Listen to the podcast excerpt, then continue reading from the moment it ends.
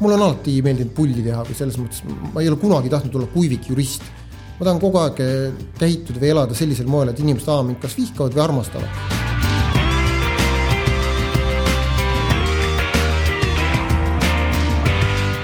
tere, hea kuulaja, minu nimi on Oliver Emarik.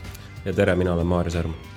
ja sina kuulad uut taskuhäälingu saadet Soraineni sagedus mille käigus meie vestleme mitmete huvitavate ja põnevate inimestega ja mitte ainult meie majast ja mitte ainult meie maja teemadel, vaid püüame ka päevakaja ja muid olulisi hetki ühiskonnas. esimese saate külaline oli Allar Jõks. Allariga rääkisime demokraatiast kriisiolukorras, erakondade rahastamisest, paljudest muudest asjadest ja kõige lõpuks ka Haapsalu ööklubidest. head kuulamist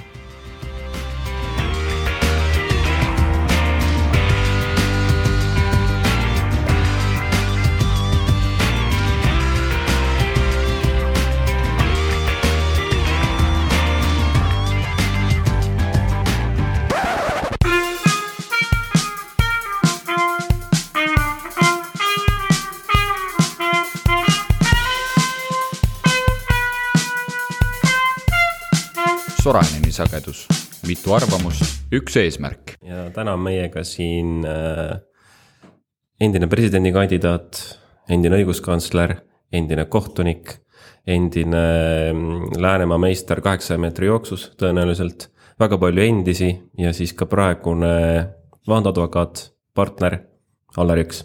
tere! enne kui äh, Allariga hakkaks rääkima Äh, surmigavatest ja tõsistest, tõsistest teemadest, siis äh, äh, Allar palus enne seda podcast'i vaadata kõnet, mis ta pidas Pärnu juhtimiskonverentsil, oli niimoodi? just. ja siis seal oli Allar rääkis sellest, et miks ta üldse kandideeris presidendiks omal ajal ja, ja kuidas see kõik läks ja suurepärane kõne ja siis mulle jäi millegipärast resoneeris minu enda kurva saatusega üks asi, mida Allar seal ütles, et et ta kandideeris presidendiks sellepärast, et ta ei tahtnud ennast enam inimestele tutvustada. et no lihtsalt ei tahtnud. ja siis mulle nagu meenus, et noh, Allar ilmselt ei peagi tutvustama ennast tänapäeval mitte kellelegi, aga mulle meenus nagu minu enda kurb saatus, kuidas mina pidin ennast Allaril tutvustama vähemalt kaheksa korda viimase kaheteist aasta jooksul et iga kord, kui ma Allariga tööalast kuskil kohtusime, oli see siis kas Urve Palo kabinetis või, või jumal teab mis konverentsile, siis Allar jälle tuli, tere, Allar Jõks, andis oma visiitkaardi ma siis panin sinna enda rahakotti sinna teiste Allar Jõksi visiitkaartide vahele selle. ja see üks hetk, ma mäletan, see oli vist kaks tuhat kaksteist, siis tuli Allar jälle tutvustada ennast mulle. ja siis ma ütlesin, et mul neid visiitkaarte juba on ju piisavalt, et, et püüame meelde jätta, aga see näitab tegelikult seda, et ma peaks ka võib-olla presidendiks kandideerima nagu, nagu sina, et siis ma ei peaks ka ennast, siis ma jääks meelde jah, see ütlemine täpsemalt oli selline, et sa pead töötama elus nii kaua, kuni sa ei pea enam ennast mitte kellelegi tutvustama just. ja see on sul, ma saan aru, ma kujutan ette, see on sul suurepäraselt äh, õnnestunud, et äh, on üldse inimesi, kellele sa pead ennast tutvustama Eestis? Äh, on küll ja see on iseenesest täiesti normaalne, sest ega kõik ei pea teadma Eesti, Eesti, Eesti juriste. aga millal sa viimati ennast tutvustasid? ma tutvustasin paar, nädal aega tagasi oli meil telefonikõne ühe võimaliku tunnistajaga no et telefonikõne, et kas ta saab tunnistada, kas ta teab midagi üldse selle asja kohta, kas on teda mõtet kohtusse kutsuda. ja ma ennem tutvustasin ära, et Allar Jõks advokaadibüroost Sorainen, ta ütles ja tore ja siis hakkas rääkima. ja siis kõne lõppes ära, siis poole tunni pärast helistas ta tagasi. tere, kellega ma enne rääkisin? noh, tegemist oli Lõuna-Eesti Murakust kõneleva inimesega. ma ütlesin, et minuga. Allar Jõks või? ma ütlesin jah tuu sama suur Allar Jõks või siis ma tükk aega itsitasin, ütlesin jah, tuu sama. Allar Suur.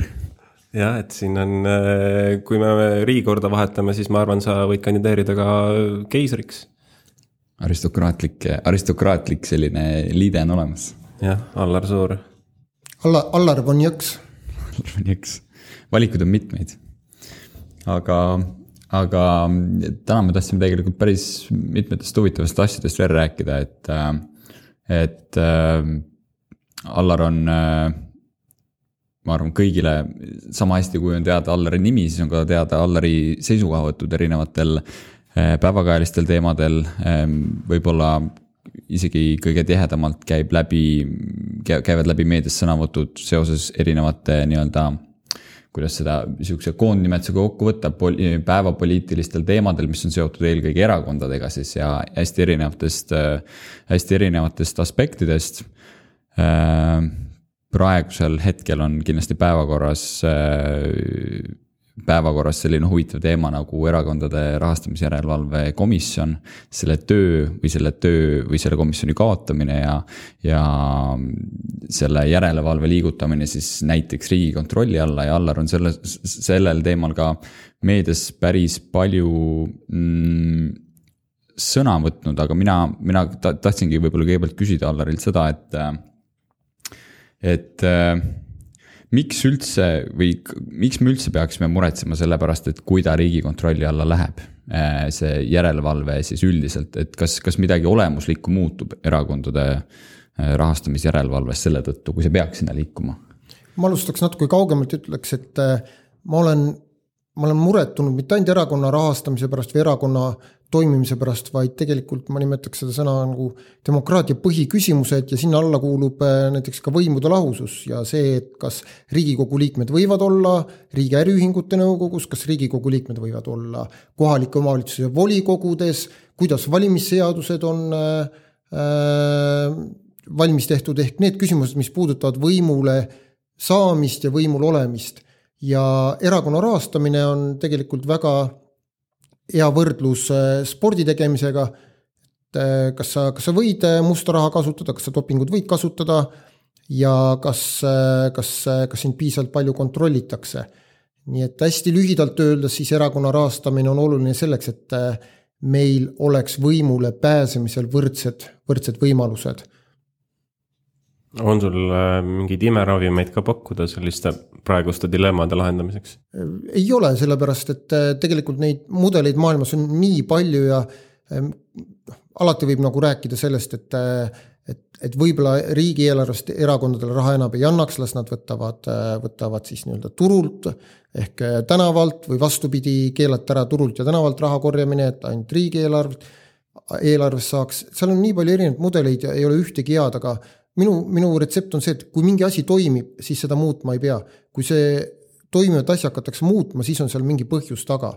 ja mida päev edasi pärast äh, seda, selle seaduseelnõu ilmumist, äh, siis ju tegelikult äh, sa pead olema pime, kurt ja veel loll ka, et sa ei saaks aru, miks seda eelnõud äh, äh, suruti ähm ma olen lugenud, sa nimetad seda praegust äh, ajastut äh, erakondade rahastamises nii-öelda rahastamise kolmandaks etapiks. et äh, saad sa põgusalt rääkida ka, mis esimene ja teine etapp olid?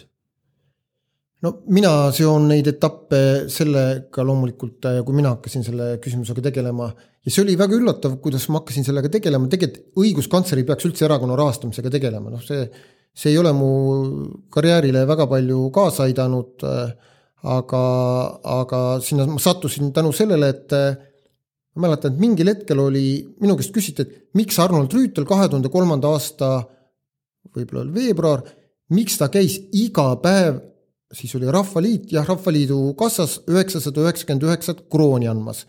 ja siis tuli välja, et oli selline piirang, et võib anda tuhat, sularaha võib anda tuhat äh, krooni. ei olnud öeldud, kas nädalas, kuus, aastas, aga siis lähtuti sellest, et äh, erakonna liikmed, et äh, viime iga päev üheksasada üheksakümmend üheksa krooni ja siis mind hakkas huvitama, et miks, miks normaalsed, lugupeetud inimesed selliste rumalustega tegelevad ja siis, kui see hakkasin kaevama, kaevama, kaevama, siis see pilt nagu avaneski ja see esimene periood oligi minu jaoks kaks tuhat kolm kuni ma ütleksin äh, kaks tuhat kuni kaks tuhat kaksteist, mis tipnes äh, Silver Makeri ja Reformierakonna rahastamisskandaaliga, mille, mille, mille lahti lükkamine või nii-öelda nagu avapaugu andmine oli, oli, oli, oli minu peal.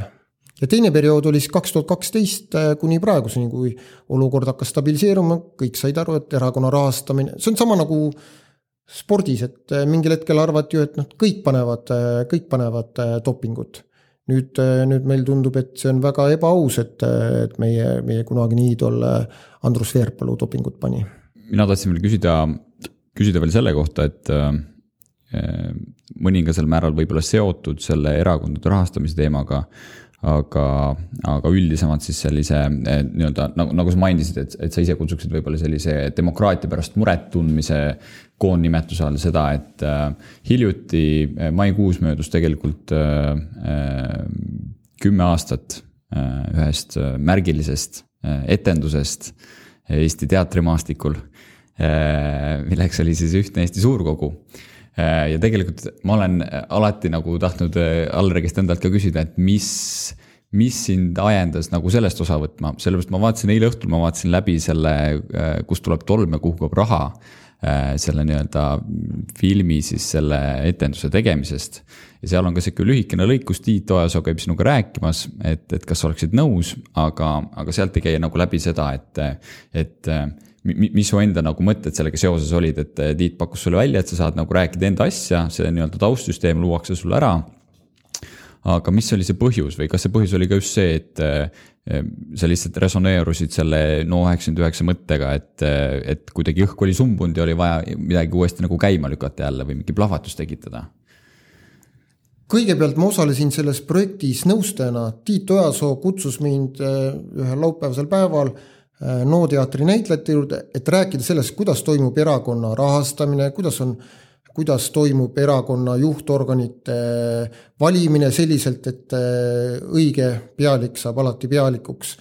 ja jagasin endaga seal oma mullid ja sinna see jäi. ja, ja ma eeldasin, et minu nimi kusagil hakkab tiitritest läbi käima kui üks nõustajatest, aga siis äh, ma arvan, et nädalapäevad enne seda üritust tuli Tiit Ojasoo minu juurde, ütles, et Allar, mul on sul üks hullumeelne idee ja kui Tiit ütleb midagi, et tal on hullumeelne idee, siis, siis see mind alati nagu köidab. ja, ja siis ta ütles, et Allar, ma tahaksin, et sa mängiksid seal iseennast ja mängiksid usutavaks selle, et äh, uus erakond tuleb. ma ütlesin, et ainult sellel tingimusel, kui seda uut erakonda ei tule, ta ütles, et jah, ma olen sellega nõus, aga ütleme, pikk jutt kokku võtta, siis äh, kui äh, sellel maikuu, maikuu päeval olin seal Saku Suurhallis, siis laval siis mingil hetkel mul tundus, et, et pagan, et mul tõmmatakse ka siin müts pähe, et, et, et et, et ei saagi aru, võib-olla erakond, erakond siiski, siiski luuakse.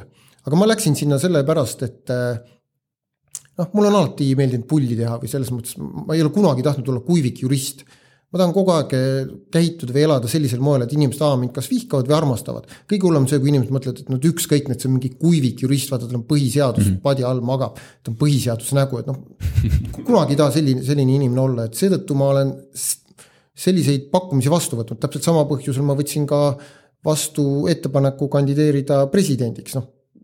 see tundub tagantjärele vaadates, et tundus hullumeelne.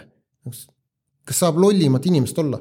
Minna neljaks, neljaks kuuks avalikkuse ette, igaüks võib su kohta ükskõik mida arvata ja ükskõik mida küsida. aga selle, sellesama äh,, ah, tegelikult see no etenduse ajal vist tuli see välja, et sind justkui esitatakse selleks kandidaadiks, see tuli vist alles etenduse ajal, et see vist meediast enne läbi ei käinud, ma tahtsin küsida, et kas.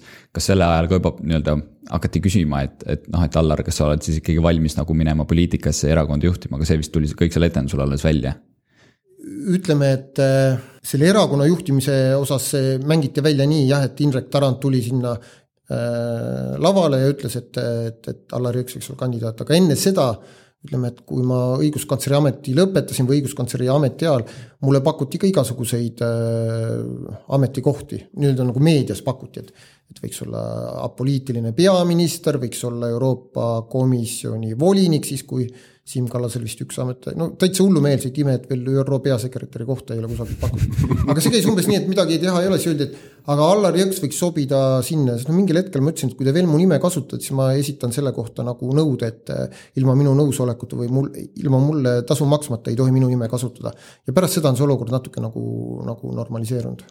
Kuni sinnamaani, kuni siis ikkagi tuli kandida-, pakkumine presidendiks kandideerida, presidenti joosta nojah, ja siis ma mõtlesin, et siis seda tuleb nagu seda, seda tuleb, seda presidenti tuleb joosta. see meenutas mulle natuke mm, ka seda teist teemat, et Allar võtab, noh, millest me alustasime, et Allar võtab hästi palju sõna ajakirjanduses, eks ole. noh, küsitakse kindlasti hästi palju ja, ja, ja, ja omaalgatuslikult samamoodi. et sa ütled päris kurjasti mõnikord ka poliitikute suhtes ja nende suunas, et, et äh, ega sa ei karda, et see rikub nagu sinu suhteid poliitikutega ära? või kas sa üldse kardad seda? ma ei ole selle peale mõelnud, mida see kartus tähendab, kartus tähendab seda, et äh, seda ma olen ammu aru saanud, et mul ei ole Eesti Vabariigis äh, võimalik mingile, ütleme, avalikule ametikohale saada sellisele, äh, kus on vaja Riigikogu või valitsuse heakskiitu, noh, oleme, oleme, oleme nagu, oleme ausad. ja ega ma seda ka ei taha või ma seda nagu ei kahetse. Ja mis siis veel, mis võiks olla, mis võiks veel olla hirm, et, et kui sa ütled kellelegi pahasti, võib-olla siis nad advokaadibüroost Sorainen ei telli enam teenuseid, noh mis oleks ju tegelikult nagu tööandja seisukohast oleks nagu kurb, aga, aga ma mäletan, et üks väga tuntud reformierakondlane, kelle nime ma ei taha praegu öelda, ütles kahe tuhande üheksandal või kümnendal aastal, et kui jõks läheb Soraineni, siis me Sorainenist õigusabi enam kunagi ei telli. Aga läks natuke aega mööda, Kips-Kops oli, oli, oli härrasmees meil äh, teenust otsimas, sellepärast et kui sul on äh, kui sa tahad maailma parimat arsti, kes sul mingi operatsiooni teeb, siis sa ei mõtle selle peale, et, et sellel arstil võib-olla ei, ei lange sinuga maailmavaade kokku. kui äh, veel peatuda tegelikult sellel poliitilisel areenil, kus me oleme siin pidama jäänud, siis oled ka seaduste ostmise kohta tegelikult äh, omajagu äh, rääkinud. Kunagi sa väidetavalt teadsid isegi seda hinnakirja, et, et nüüd sa oled olnud sellest äh, mõnevõrra eemal selles mõttes, et sa ei ole avalik teenus, teenistuja juba tükk aega, et. et minu teada oled sa öelnud sellised võib-olla mõnede inimeste seas ka kurikuulsad sõnad, et, et äh, kui me räägime lobistamisest ka, et. et seniks, kuni see on läbipaistev, siis ei ole see tegelikult väga taunitav. et kas sa saaksid nagu võib-olla pikemalt selgitada, et mis sa sellel täpselt mõtlesid? Minu arvates on meil äh, mindud äh ühest äärmusest teisega on öeldud, et seadusi ei, ei tohi osta.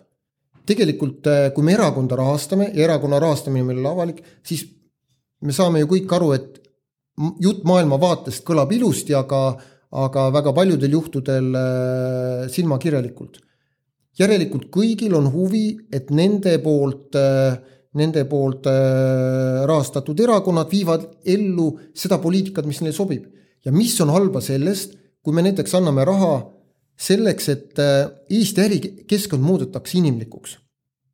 kui sellest muudatusest, mille eest mina ja võib-olla mõned mõttekaaslased maksavad erakondadele raha, kui sellest kõik võidavad. tuletan meelde seda juhtumit, kui äh, mingid ärimehed andsid vist miljon eurot selleks, et äh, lastetoetus tõuseks. sellest tehti skandaal, mis see paha oli? mis seal paha oli? täpselt samamoodi, kui äh, kui, kui on arusaadav, kui on selge, miks mingi raha anti ja see on üldistes huvides. me ei räägi sellest, et minu ettevõte või Sorainen saaks mingisuguse eelise, mida teistel ei ole. Et, eh, et see mõttekäik iseenesest on juba nii, nii väärastunud. et me afišeerime seda protsessi nagu liiga palju ja ei vaata tegelikult seda tulemit. Eh, võiks olla see mõte. jah, tähtis on see, et mida, mida, mida ostetakse või mis selle mis selle seaduse, mis selle seaduse point on ja kes sellest võidab? Ja, ja võib-olla on seal küsimus lihtsalt ka selles, et äh, nii-öelda asjade nimetamises, et kuidagi, kui sa ütled, et ostetakse seadus, siis sellel on justkui automaatselt ongi tänasel päeval mingi selline mm, negatiivne varjund justkui küljes, aga, aga kui, kui selle asemel öelda, et äh, toetame mingi sektori arengut näiteks või ütleme, majandussektori arengut või majandussektori regulatsiooni arengut, et siis Äh, siis ta kõlab hoopis teistmoodi, aga see on selline, et kuidas seda nagu meedias tahetakse või soovitakse näidata. täpselt samamoodi oleks ebaõiglane ka äh, ette heita advokaatidele või juristidele, kui nad, kui nad aitavad kliente õigusloomes. tihtipeale öeldakse, et miks te aitate, miks te aitate ühte või teist seadust kirjutada, mis selles paha on? riigiametnikud ju saavad, Maarja on endine riigiametnik, sina said raha selle eest, et sa kirjutasid seadust miks mina ei või saada raha selle eest, kui ma aitan Oliveril näiteks ette valmistada mingit seadust, mis on tema ärisektori seisukohast nagu oluline. aga seda ka vahepeal heidetakse ette, et, et advokaadid aitavad seadusi osta. see on minu arust ka väga kummaline, et äh, mis seal nagu halba on, eriti kui see on nagu läbipaistev ka, isegi ta jääb isegi läbipaistev olema selles aspektis, et keegi selle eelnõu selles mõttes ju esitab, et noh, ta enda nimel selle esitab, mis seal vahet, kust ta on valminud tegelikult, peaasi, et ta hästi koostatud on. tähtis on, et äh, kust tähtis on, et ta oleks täpselt hästi koostatud äh, ja oleks aru saada, kes on selle ette valmistanud.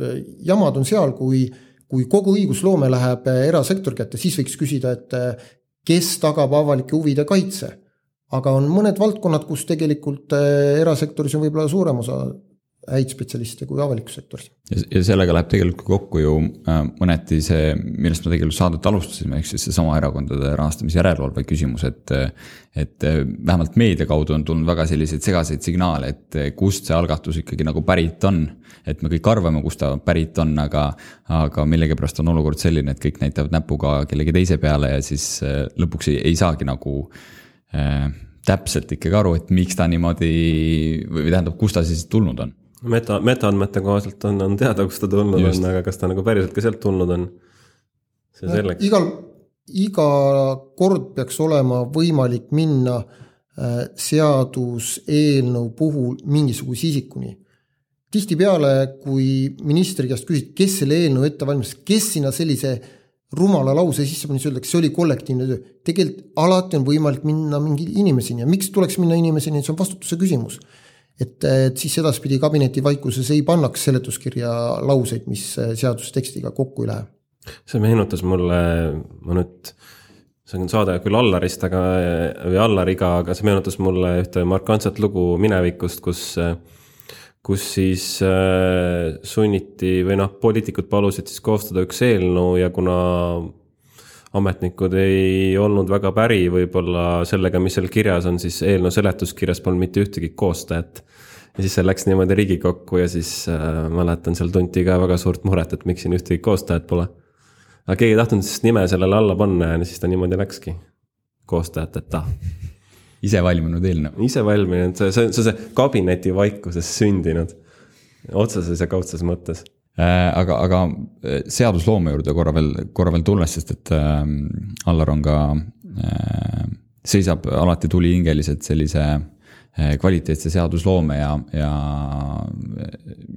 seadusloome eest ja, ja ma täna lugesin, et Rein Lang võttis, võttis sõna äh, Rahvusringhäälingu portaali vahendusel selles, selles osas, et äh, ta heitis ikkagi väga teravalt ette, et äh, et Eesti, Eesti on siis hetkel liikumas selgelt ülereguleerimise suunas ja ta ootab äh, valitsust, kes hakkaks, äh, võtaks endale, kirjutaks koalitsioonilepingusse sisse, leppesse sisse, et hakatakse üle vaatama kõiki seaduseid. ja tõmmatakse kõik üleliigne maha, et seni nagu sellega, äh, sellega tegeletud justkui ei ole. ja, ja ta, ta näeb selles nagu selget probleemi, et me sinna suunas liigume, et ma tahtsin Alarilt küsida, et kuidas sina seda näed, et kas meil on nagu ülereguleerimisega tänasel päeval probleeme Eesti riigis? Äh, vaieldamatult.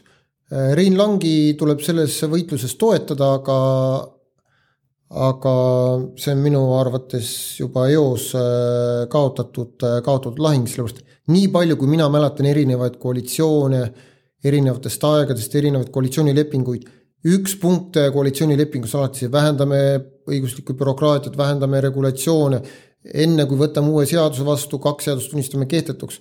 noh, mul on virnad viisi neid äh, tsitaate, mida ma olen äh, kokku kogunud ja mis on juhtunud, tegelikult ei ole mitte midagi juhtunud, sellepärast et äh, kui me vaatame Riigikogu, Riigikogu nagu õigusloomelist tegevust, siis pidevalt võetakse seadusi vastu, selle, seal on erinevad põhjused, sellepärast et vahepeal poliitik peab näitama, et ta võitleb avalike huvide eest, mingi, mingi, mingi traagiline juhtum juhtub, siis on vaja karmistada karistusi, vähendada mingi asja kättesaadavust äh, ja nii edasi ja nii edasi, nii et, äh, et see on üllas idee Rein Langil, aga, aga, aga see ei ole ühelgi valitsusel õnnestunud, ka sellel valitsusel, kus äh, Rein Lang oli justiitsminister aga see põhi, kas see põhjus, milles see põhjus siis võiks olla, et seda, see, see lihtsalt ei ole nagu selline asi, mida, mis tooks hääli poliitikutele või, või, või sellega ei taheta tegeleda või mi, miks seda, selles mulle tundub, et me nagu kõik mingil määral saame aru, et see on probleem, aga miks me siis sellega ei ole suutnud tegeleda või miks ei ole Riigikogus suudetud sellega tegeleda?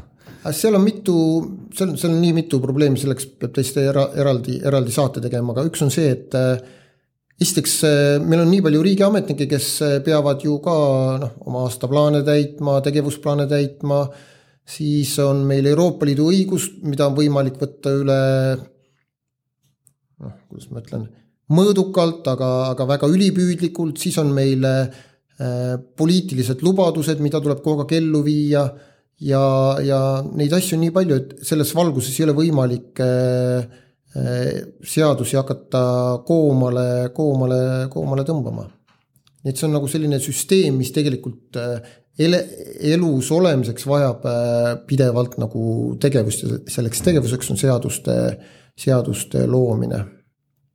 ehk siis Rein Lang on oma võitluse juba ette ära kaotanud jah, aga, aga, aga, aga see ei tähenda, et sellest ei tasuks, no ei tasuks rääkida, et kindlasti sellel mingisugune, mingisugune mõju on ja, ja kahe tuhande kümnendal aastal ma algatasin sellise ettevõtmise nagu parima halvima seaduskonkurss. lihtsalt selleks, et, et oleks mingisugune, mingisugune kanal, mille kaudu ka halba seadusloomet häbiposti panna ja head seadusloomet äh, tunnustada.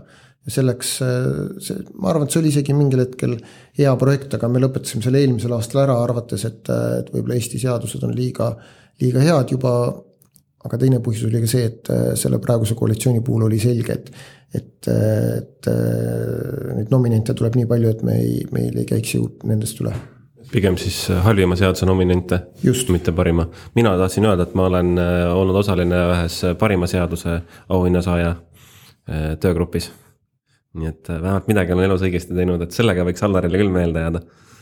sellega jääb nimi meelde. ja ma, ma luban, et Maarja, ma sulle kunagi enam ühtegi visiitkaarti, visiitkaarti ei anna no,. ja, ja sellega, selle korra sinna Rein Langi sõnavõtu juurde tagasi tulles, ta ütles ka, tõi ka välja selle, et äh, Allar praegu mainis seda, et. Äh, et äh, tundus, et ei ole, ei ole enam mõistlik praeguse nii-öelda valitsuse valguses seda konkurssi justkui jätkata, siis Rein Lang tõi ka, ühesõnaga seal artiklis käis ka arutelu selle üle, et kui arusaadav on Äh, Eesti nii-öelda õiguskeel või seaduskeel siis tavalisele inimesele, ehk et, et ka ta aitas ka muuhulgas seda, et, et ka sellega on ikkagi äh, probleeme äh,. ma ei tea, kas Allar, kuidas sa sellega nõustud, kas, kas meie õiguskeel äh, on, on liiga keeruline? kas seda peaks veel kuidagi lihtsamaks tegema, liikuma selle suunas? Lühike vastus on jah ja vastus teisele küsimusele, et kas seda peaks äh, lihtsamaks tegema. proovida võib, aga see on ka lootusetu üritus, sellepärast et äh, nii nagu meie elu läheb järjest keerulisemaks, läheb ka seda elu reguleeriv õigus keerulisemaks ja, ja noh, proovige. ma võin, ma olen elektrituruseadust äh, proovinud mõnda sätet nagu lugeda, no ei saa aru sellepärast, et ta on spetsialistidele loodud, aga, aga kui ma tulen tagasi veel selle juurde, et kas seadused peavad olema kõigile arusaadavad või kas seadused peaksid minema detailideni või peaks jääma suurem osa seadusest äh, selliseks nagu tõlgendamis, tõlgendamisruumi ametnikule, siis neid vaidlusi on aastakümneid peetud, peetakse ka edaspidi, aga noh, toon lihtsalt ühe näite, et et äh, eriolukorraga seoses on päevakohaliseks muutunud küsimus, et mis asi on ööklubi Eesti seaduses puudub ööklubi definitsioon, aga miks on see oluline? see on oluline sellepärast, et kohvikud, baarid võivad praegu olla avatud, ööklubid ei tohi olla avatud. ja noh, viimane, viimased uudised räägivad äh, nupumeestest, kes on öelnud, et, et, et, et, et see, et see ööklubi, mida või meelelahutusasutus, mida nemad peavad, ei ole ööklubi, vaid see on meelelahutuslik platvorm ja, ja siis ongi küsimus, et mis, siis peab mingit tunnust alusel hakkama määratlema, et mis on ööklubi. kas ööklubi on see, kus tantsitakse või kas ööklubi on see, mis tehakse õhtul hilja lahti, mille järgi sa seda hindad? ja alati võib mõelda, et äh, ju ametnikel on seda oidu, et seda tõlgendada, aga siis ametnikud ütlevad, et aga seadus ei ütle, mis ööklubi on ja ja siis ongi nii, et siis tuleb kellelgi teha uus seadus ööklubi kohta, ööklubi seadus. Õks Öss. sellega mul tuli lihtsalt meelde, et nende definitsioonidega, et Allaril oli, ma ei mäleta, kas mingis ettekandes või, või lihtsalt ta tegi postituse kunagi selle kohta, et mis asi on põld ja siis põllu definitsioon oli ka hästi huvitavalt lahti kirjutatud kuskil Euro Euroopa Liidu õiguses. ei äh, suuda isegi esitleda praegu, aga minu arusaamine on see, et iga definitsioon peab olema võimalik ühe hingamisega, hingetõmbega välja öelda. aga seda põllu definitsiooni, mis Euroopa Liidu õigust tuli, seda pidi nagu neli korda hingama ja siis korra vett jooma. aga siit läheme korraks pausile ja tuleme tagasi mõne hetke pärast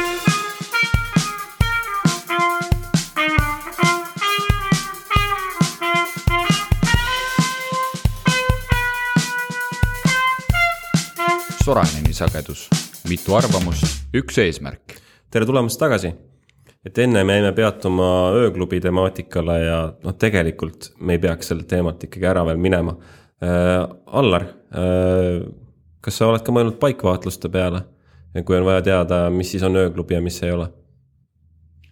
ma arvan, et äh, minusuguse kogemusega ööklubi hunt ei peagi selliseid paikvaatusi tegema, et äh, ma olen oma elus ikka päris palju ööklubides käinud, sellepärast et äh, esiteks mulle meeldib, mulle meeldib väga tantsida, mulle meeldib väga hea tantsumuusika. Ähm, ja kui ma olin õiguskantsler, siis ma ei seadnud ka endale sellist piiri, et õiguskantsleril ei sobi ööklubis käia, sest kui küsiti, mis ma seal teen, siis ma ütlen, et äh, ma tulin vaatama, kas laste õigusi on äh, rikutud ehk kas alaealisi äh, seal äh, liigub või mitte.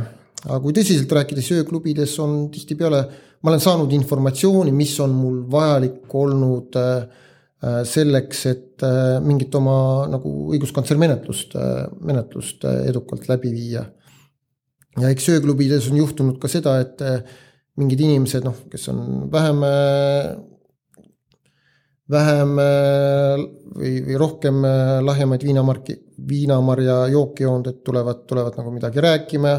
Kes tahab teada, kuidas töölepingut lõpetada, kes tuleb patsutab õlale ja, ja mul on olnud ka juhtumid, kus üks inimene tuli mu juurde, ütles, et ta on minu elu, mina olen tema elu päästnud ja küsisin, kuidas ta ütles, et äh, tuletas meelde, et kui ma olin kohtunik, siis ma määrasin talle kolmeaastase, vabandust, kolmekuuse šoki, šokivangistuse ja ta oli selle üle siiralt tänulik.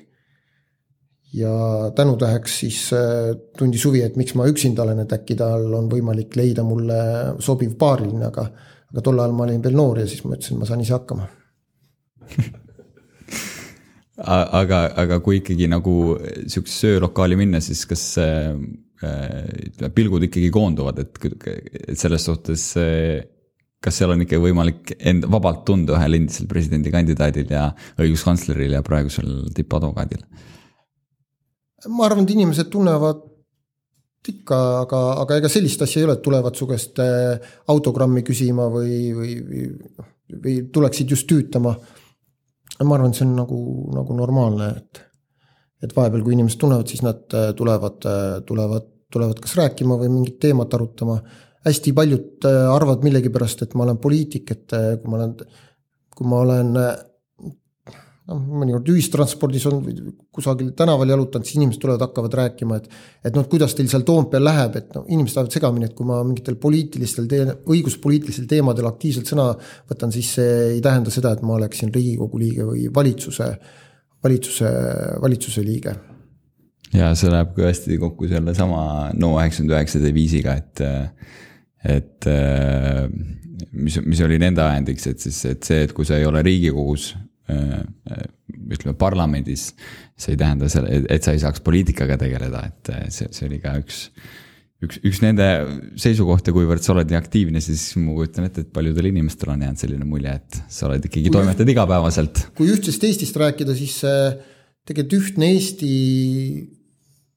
ja, ja presidendikampaania nagu olid omavahel selles mõttes seotud, et, et see nali, mille ma ühel presidendikampaania üritusel otse-eetris tegin ühtima, et see tuli ka tegelikult sellest, et, et kuna ma olin Ühtses Eestis äh, nii aktiivne, siis, siis mulle tundusid, et ne, see oleks nagu loogiline, loogiline seos, aga Ühtse Eesti minu jaoks nagu kõige suurem märksõna või või selline loosung, mida ma pidevalt kasutan ja mis mind tagant lükkab, on see, et, et äh, Eestit ei muudeta ühe päevaga, Eestit muudetakse iga päevaga. ehk, ehk vahepeal mõtlen, et ma ei viitsi sellest asjast kirjutada, mis ühiskondlikult on oluline, siis ma mõtlen, aga kui mina seda ei tee, võib-olla ei tee seda keegi. et see mind sunnib siis vahepeal nagu, nagu vedru, et noh, hommikul ärkad üles, mõtled, nüüd ma kirjutan sellest või nüüd ma lähen pakun seda mingit, mingit, mingit, mingit lugu kellelegi. Allar, et viimasel ajal on teisel pool suurt lompi mitmesuguseid äh, rahutusi ja meeleavaldusi ja tekkinud selline äh, uus ja huvitav foon ja vastandumine, eriti USA ühiskonnas ja meil ka siin Eestis tegelikult neid ilminguid on olnud või, või siis ütleme siis väikseid meeleavaldusi ja niimoodi ja ütleme, pressis on see selline igapäevane teema see, mis algas siis sellest eh, George Floydi eh, surmast USA-s. et mida sa sellest kõigest arvad, et mida see meie ühiskonna kohta ja võib-olla täpselt meie ühiskonna kohta näitab. et ka meil on see kõlapinda leidnud see, mis toimub tuhandete kilomeetri kaug-, tuhandete kilomeetrite kaugusel. Minu hinnangul see midagi uut või erilist Eesti ühiskonna kohta ei, ei näidanud, sest äh, meil on ka ju tegelikult need kõlakojad ja tegelikult äh, seal igas kõlakojas on nii-öelda omad, omad teemad, et äh, ma väidan, et see ei ole Eestis praegu oluline teema või suur teema. Vaatamata sellele, et siin oli ju eelmisel nädalal oli Saku Suurhalli juures oli demonstratsioon ja tegelikult on see väike teema, aga kui, kui Facebooki ennast või kuhugi sotsiaalmeediasse sisse unustada ja vaadata neid oma, oma oma tutvusringkonda, siis võib tunduda küll, et, et, et see on näiteks maailma teema number, number üks. täpselt samamoodi nagu ma mäletan, et kahe tuhande üheksateistkümnenda aasta alguses oli ju kaagutav kanakari. Noh, praegu hakkad mõtlema, mida tähendab kaagutav kanakari, väga raske nagu seostada, aga siis tundus, et nagu kaks, kaks kuud millestki muust ei räägitagi. siis ühe aasta alguses oli hümn oli nagu teema. et hümni peab mängima, oli ka selline tunne, et noh, see on maailma teema number üks et me lihtsalt Eestis suudame välja mõelda selliseid teemasid, mille, mille külge ennast nagu ankurdada ja siis seal turvaliselt, turvaliselt heietada. samal ajal on meie häda selles, et me ei räägi ju suurtest asjadest, mis tegelikult Eestile korda lähevad.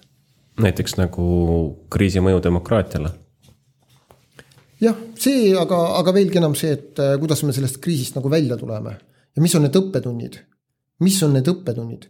tegelikult praegu mõeldakse, et noh, läks isegi hästi, las see nüüd on, aga, aga peaks mõtlema, et miks, miks meie seadusloome, pean silmas äh, nakkushaiguste ennetamise tõrje seadust, hädaolukorra seadust, miks need nii auklikud olid, et selleks, et kasvõi väikestki piirangut panna, pidi Vabariigi Valitsus eriolukorra välja kuulutama.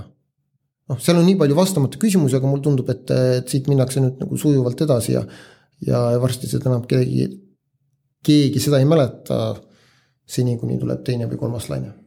ma mäletan kuskilt, äh, ma ei mäleta, kelle tabav võrdlus see oli, aga keegi ütles äh, nende õigusaktide kohta, mida sa loetlesid, et need on loodud selliste juhtumite jaoks, kui läheb mingi kütuseveok kummuli. ja siis on vaja nende tagajärgedega tegeleda, mitte siis sellise äh, pandeemia, pandeemia jaoks. et võib-olla, võib-olla me õigusloomes oleme ka riigina mõelnud kohati nagu liiga väikeselt nojah, aga nakkushaiguste ennetamise tõrje seadus tegelikult on ju läbi elanud erinevaid, küll väiksemaid äh, epideemiaid, võtame kõik need äh, seakatkud ja mis, ei tulegi praegu meelde, mis, mis on olnud ju tegelikult aktuaalsed maailmas, et sellest oleks võinud, oleks võinud õppida. no kus meil see, meie riigil siis jääb puudu see, et me ei õpi nendest asjadest, kus see, kus see viga tekib? see viga tekib selles, et kui sul hetkel tagumikus midagi ei torgi, sa sellega ei tegele. Nakkushaiguste ennetamise tõrje, hädaolukorra seadus tegelikult oli okei okay.. nakkushaiguste ennetamise tõrje seadus oli nõrk ja see nõrk oli sellepärast, et sotsiaalministeeriumis lihtsalt äh, inimesed, kes pidid selle eest vastutama, et see seadus oleks äh, adekvaatne, vastaks sellele, mis maailmas tegelikult epideemia, epideemiatega toimub. Nad arvasid, et seda Eestis kindlasti kunagi ei juhtu ja sellele ei keskendunud. ehk siis kergemeelsusest justkui Ehm, see millegipärast, see teema, mida me siin kajastame praegu, viis mind hoopis äh, teise mõtte juurde, et, äh, et äh, Riigikogu roll üldse õigusloomes ja seadusandjana. et mina kunagi ise mõtlesin, et kui ma olin valitsusametnik, et, et noh, et siis eelnõu läheb Riigikokku ja Riigikogu paneb oma templi alla ja läheb edasi ja ta ei ole nagu võrdne partner valitsusele. Ehm, esimene küsimus, kas sa jagad sellist seisukohta ja teine küsimus tuleneb sellest tõdemusest, ma olen viimasel ajal hakanud mõtlema, et noh, tegelikult seda Riigikogu rolli parlamentaarses demokraatias nagu meil tuleks tugevdada. mina oleks täitsa näiteks selle poolt, et, et Riigikogu liikmetel oleks isiklikud assistendid, kellele siis makstaks palka riigieelarvest. et see, noh, see võib olla ebapopulaarne, aga et seda Riigikogu aparaati suurendada, et ta oleks siis täitevvõimule võrdväärne partner. mis sina sellest arvad? ma olen mõlema nende ettepanekut, mõlema seisukohaga nõus, üks on see, et äh, Riigikogu jääb äh, valitsusasutustele oma õigusloomelises kompetentsis alla just tänu sellele, et äh, neil ei ole piisavalt palju nõunikke võimalik võtta. Ja teine,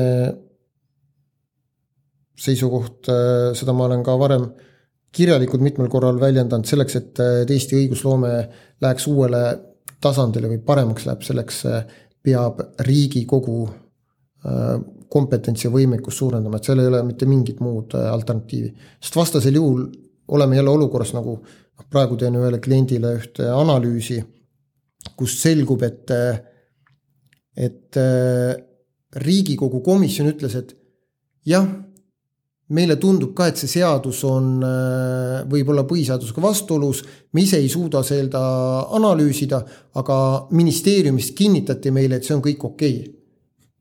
et on okei okay,, et on põhiseadusega vastuolus või et seadus on okei okay.? seadus on okei okay,, ehk seadusel ei ole probleeme. ja kui sa küsid seaduse ettevalmistajalt, kas seadus on kooskõlas põhiseadusega, siis on selge see, et keegi ei ütle sulle, et ei ole, et me tegime, tegime, tegime põhiseadusvastase seaduse. on sul kunagi karjääris olnud ükskõik, kas praegu või, või varasemalt, et keegi oleks kunagi tunnistanud, et tema õigusakt on põhiseadusega vastuolus? ei tule ette, ei tule ette. et see on ka iseenesest sihuke markantne näide, et ma oleks ikkagi arvanud, et kuskil on olnud see hetk, kus kirgastumine kellelgi. Äh, ma mõtlesin korra veel tagasi tulla, Marju, vaatasin selle viimase, viimase ploki sisse. demokraatia, äh, demokraatia siis äh, tervisega kriisijärgses Eestis. ma tahtsin küsida seda, et mis terminites me üldse peaksime mõõtma demokraatia tervist mis, mis need parameetrid on, mida me võiksime, peaksime järgima, sest ma lugesin paar aastat tagasi minu meelest äkki ilmus Müürilehes päris huvitav artikkel selle kohta, kuidas demokraatia tervist ei saa mõõta usalduse terminites, sellepärast et usaldus riigikorra vastu on üldiselt suurem äh, autoritaarsetes riikides ja seetõttu ei ei, eh, võib-olla usaldus ei peegelda hästi demokraatia olukorda just siis demokraatlikes riikides, ma tahtsin, mõtle, mõtlesingi uurida, et eh, mis sinu hinnangul võiksid need indikaatorid olla, milles me võiksime rääkida, kui me räägime demokraatia olukorrast? Ütleme, et kõigepealt demokraatia on iseenesest juba selline mõiste, et eh, igaüks saab sellest erinevalt aru. kui sa küsid EKRE valija käest või Reformierakonna valija käest, nemad saavad erinevalt aru, mis on äh, demokraatia samamoodi, ma arvan, et ka meie, meie sõnastame seda erinevalt. aga, aga ma olen nõus sellega, et mingid kvalitatiivsed tunnused peaksid olema ja mulle on meeldinud, mulle on meeldinud ajakirja Ökonomist poolt regulaarselt läbiviidavad demokraatia nii-öelda auditid, mis nad teevad erinevate riikide kohta, Eesti on seal pidevalt kusagil kolmekümne, kolmekümne, kolmekümne viiendal kohal ja seal on erinev, erinevad, seal on viis kategooriat. üks on valimised, kui avatud, kui, kui, kui, kui vabad need on, siis on seal seaduste täitmine sellepärast, et kui me tuletame meelde, siis tegelikult seaduste täitmine on kõige olulisemaid nagu vaba, põhiõiguste, vabaduste tagamise, tagamise vahendeid, siis on seal kolmanda sektori, kui, kui vaba saab kolmas sektor olla, siis oli kaks, see oli viis, mul ei tulegi praegu täpselt meelde. Ühesõnaga, et seal on erinevad kvalitatiivsed omadused, mille, mille põhjal äh, demokraatiat hinnata ja kindlasti usaldus ei ole see, sellepärast et äh, kui valitsev koalitsioon viskab, viskab viskab valimiste järgselt äh, helikopterist raha, raha valijatele, siis äh, valijad on õnnelikud, sõltumata sellest, kas, kas neil suu on kinni seotud või mitte.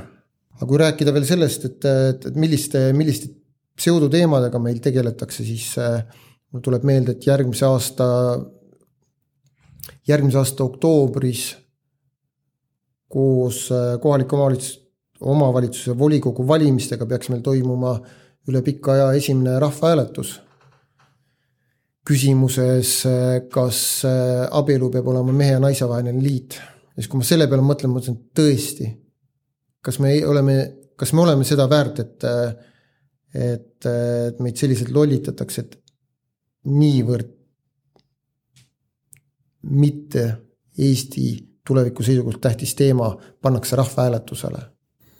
Ja, ja tulevaste, tulevaste kohaliku omavalitsuse valimistega on seotud ka kindlasti, sellega mul tuli hetkel meelde see, see küsimus, et äh, meie kuulus kahe tooli seadus, ehk siis, äh, et riigikogu liikmed võiksid istuda või peaks istuma ka kohaliku omavalitsuse äh, volikogus siis. et äh, ma ise olen selle peale alati mõelnud, et äh, äh see on ikkagi mõneti kummaline, et, et, et kahe tooli peal minu meelest lubatakse istuda just sellepärast, et äh, või ütleme siis pigem isegi kandideerimise kontekstis, et äh, tihti me näeme ka seda, et äh, tuntud, Eesti tuntud poliitikud kandideerivad äh, kohaliku omavalitsuse valimistel, saavad ka valitud volikokku, aga siis sinna ei lähe. ja, ja minu jaoks on alati olnud huvitav küsimus selles, et, et et see, see on selline omamoodi nagu valija petmine, et, et see on kummaline, et sellist asja nagu lubatakse.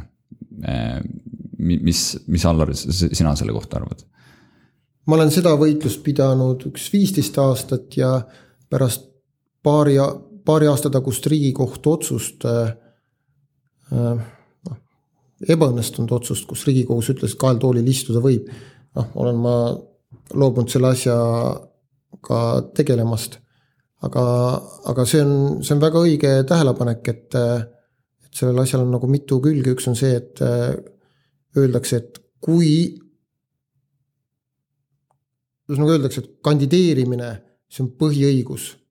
aga ma küsin niimoodi, et kas valijate petmine on ka põhiõigus, sest kui sa kandideerid ja sa tead, et, et sa oled ainult häälte magnet või peibutuspart ja sa valituks osutudes sinna vastavasse esinduskogusse ei lähe, siis sa tegelikult sellega valijaid petad. aga seda, seda peetakse nagu, seda peetakse millegipärast normaalseks, aga valimis, kandideerimisõigust peetakse pühaks. tegelikult põhiseaduse kohaselt ei saa olla nii, et üks, üks õigus on püham kui teine. tegelikult äh, viin natuke kõrvale teema, et sa mainisid Riigikohust ja Riigikohut ja tema ebaõnnestunud äh, lahendit, et äh, kust pärineb nüüd äh, selline Riigikohtu tsitaat, et igasugune ebatäiuslikkus ei ole põhiseaduse vastane? see põhine, see pärineb kahekümne, ühesõnaga kahekümne esimesest või kahekümne teisest maist kaks tuhat kaheksa Riigikohtu põhiseaduslikkuse järelevalve kolleegiumi lahend õiguskantsleri taotlusest tunnistada põhiseadusvastaseks erakonnaseaduse osas, milles ei sätesta tõhusat äh, erakondade rahastamise kontrolli see väide on iseenesest juba, Madis Ernits on seda lauset nagu analüüsinud, ta on leidnud, et see on loogiliselt hästi eba, see, see ei ole loogiline lause. jah, et sa, sa mäletad seda nagu täiesti suurepäraselt, sest, sest see ongi seesama kaasus tõesti. see oli, ma arvan, et see on minu üks kõige raskemaid ja võib-olla ka olulisemaid kaasuseid, vaatamata sellele, et ma selle asja, see oli ka ainuke jah, vaidlus, mille ma riigikohtus kaotasin Äh, aga Allar, äh, sa oled oma karjääris pidanud väga erinevaid ameteid, millest me tegelikult juba siin saates, saat-, saadet sissejuhatavas lõigus äh, rääkisime. tänasel päeval sa oled tippadvokaat, partner advokaadibüroos ja mitte avalik teenistuja. kas, kas sa tunned, et selles ametis, mida sa praegu pead, saad sa samamoodi panustada ühiskonna arengusse, Eesti riigi suunamisse nii-öelda soovitud rööbastele, nagu sa said võib-olla teha kohtunikuna või õiguskantslerina? mõnes mõttes ma arvan, et ma olen saanud panustada kindlasti rohkem, sellepärast et kõik need tegevused, mille, mis mulle lähevad korda väljaspool tööülesandeid, näiteks see, et hea õigusloome, et meil demokraatia oleks, et haavatavad grupid oleksid kaitstud. Äh, õiguskantslerina mul olid teatud piirid, kohtunikuna veelgi suuremad piirid, kohtunik sai ju tegelikult eelkõige oma kohtuotsuste kaudu neid õiguslikku olustikku muuta, siis advokaadina mul on tegelikult vabadus. ma võin, ma võin võtta mingi teema, mis mulle tundub oluline, rääkida sel teemal, mitte rääkida ja advokaadi kutse on mul võimaldanud neid probleemide allikaid äh, ise tunnetada.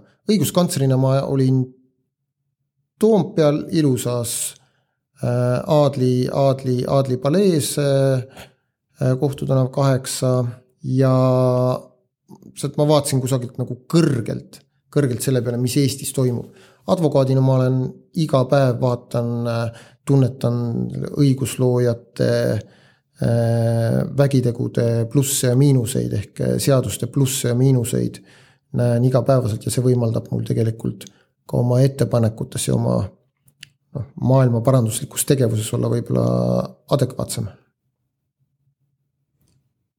see kõlas natuke nagu, et õiguskantsleri, et sa olid kuskil pilvedelt, vaatasid alla nagu noor jumal, nagu, nagu hoolitsev, nagu hoolitsev rahvaisa no eks see õiguskantsleri roll paljuski selline on, et tema poole pöördutakse viimases hädas, et ta aitab, et ta on kõrgem kui president ja kõrgem kui riigikogu, noh, sellised on nagu need äh, rahva, rahva ootused, sellepärast et sinna kirjutatakse ikka tegelikult äh, erakordselt palju. noh, asja, asja, asjakohaseid asju, mida õiguskantsler saab teha, aga samas ka teemadel, mida õiguskantsler ei saa teha, nii et et sinna positsiooni on paraku sisse loodud selline natukene jumalik, äh, jumalik ootus inimestele. aga kas sa praegu tunned, et sa saad inimesi, ma ei tea, kas rohkem või paremini või, või mõjusamalt aidata?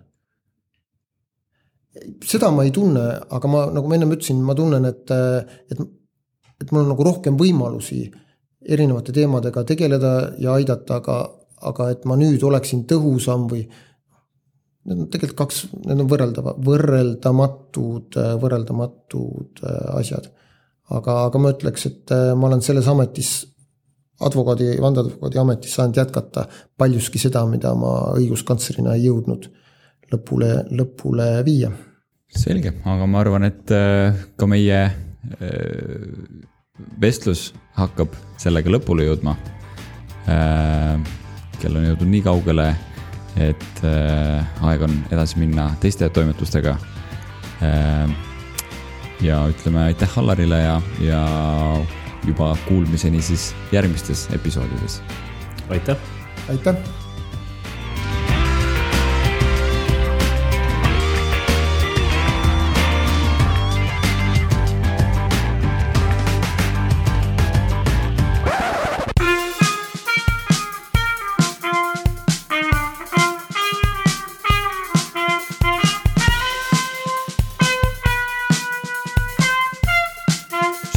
sagedus, mitu arvamust, üks eesmärk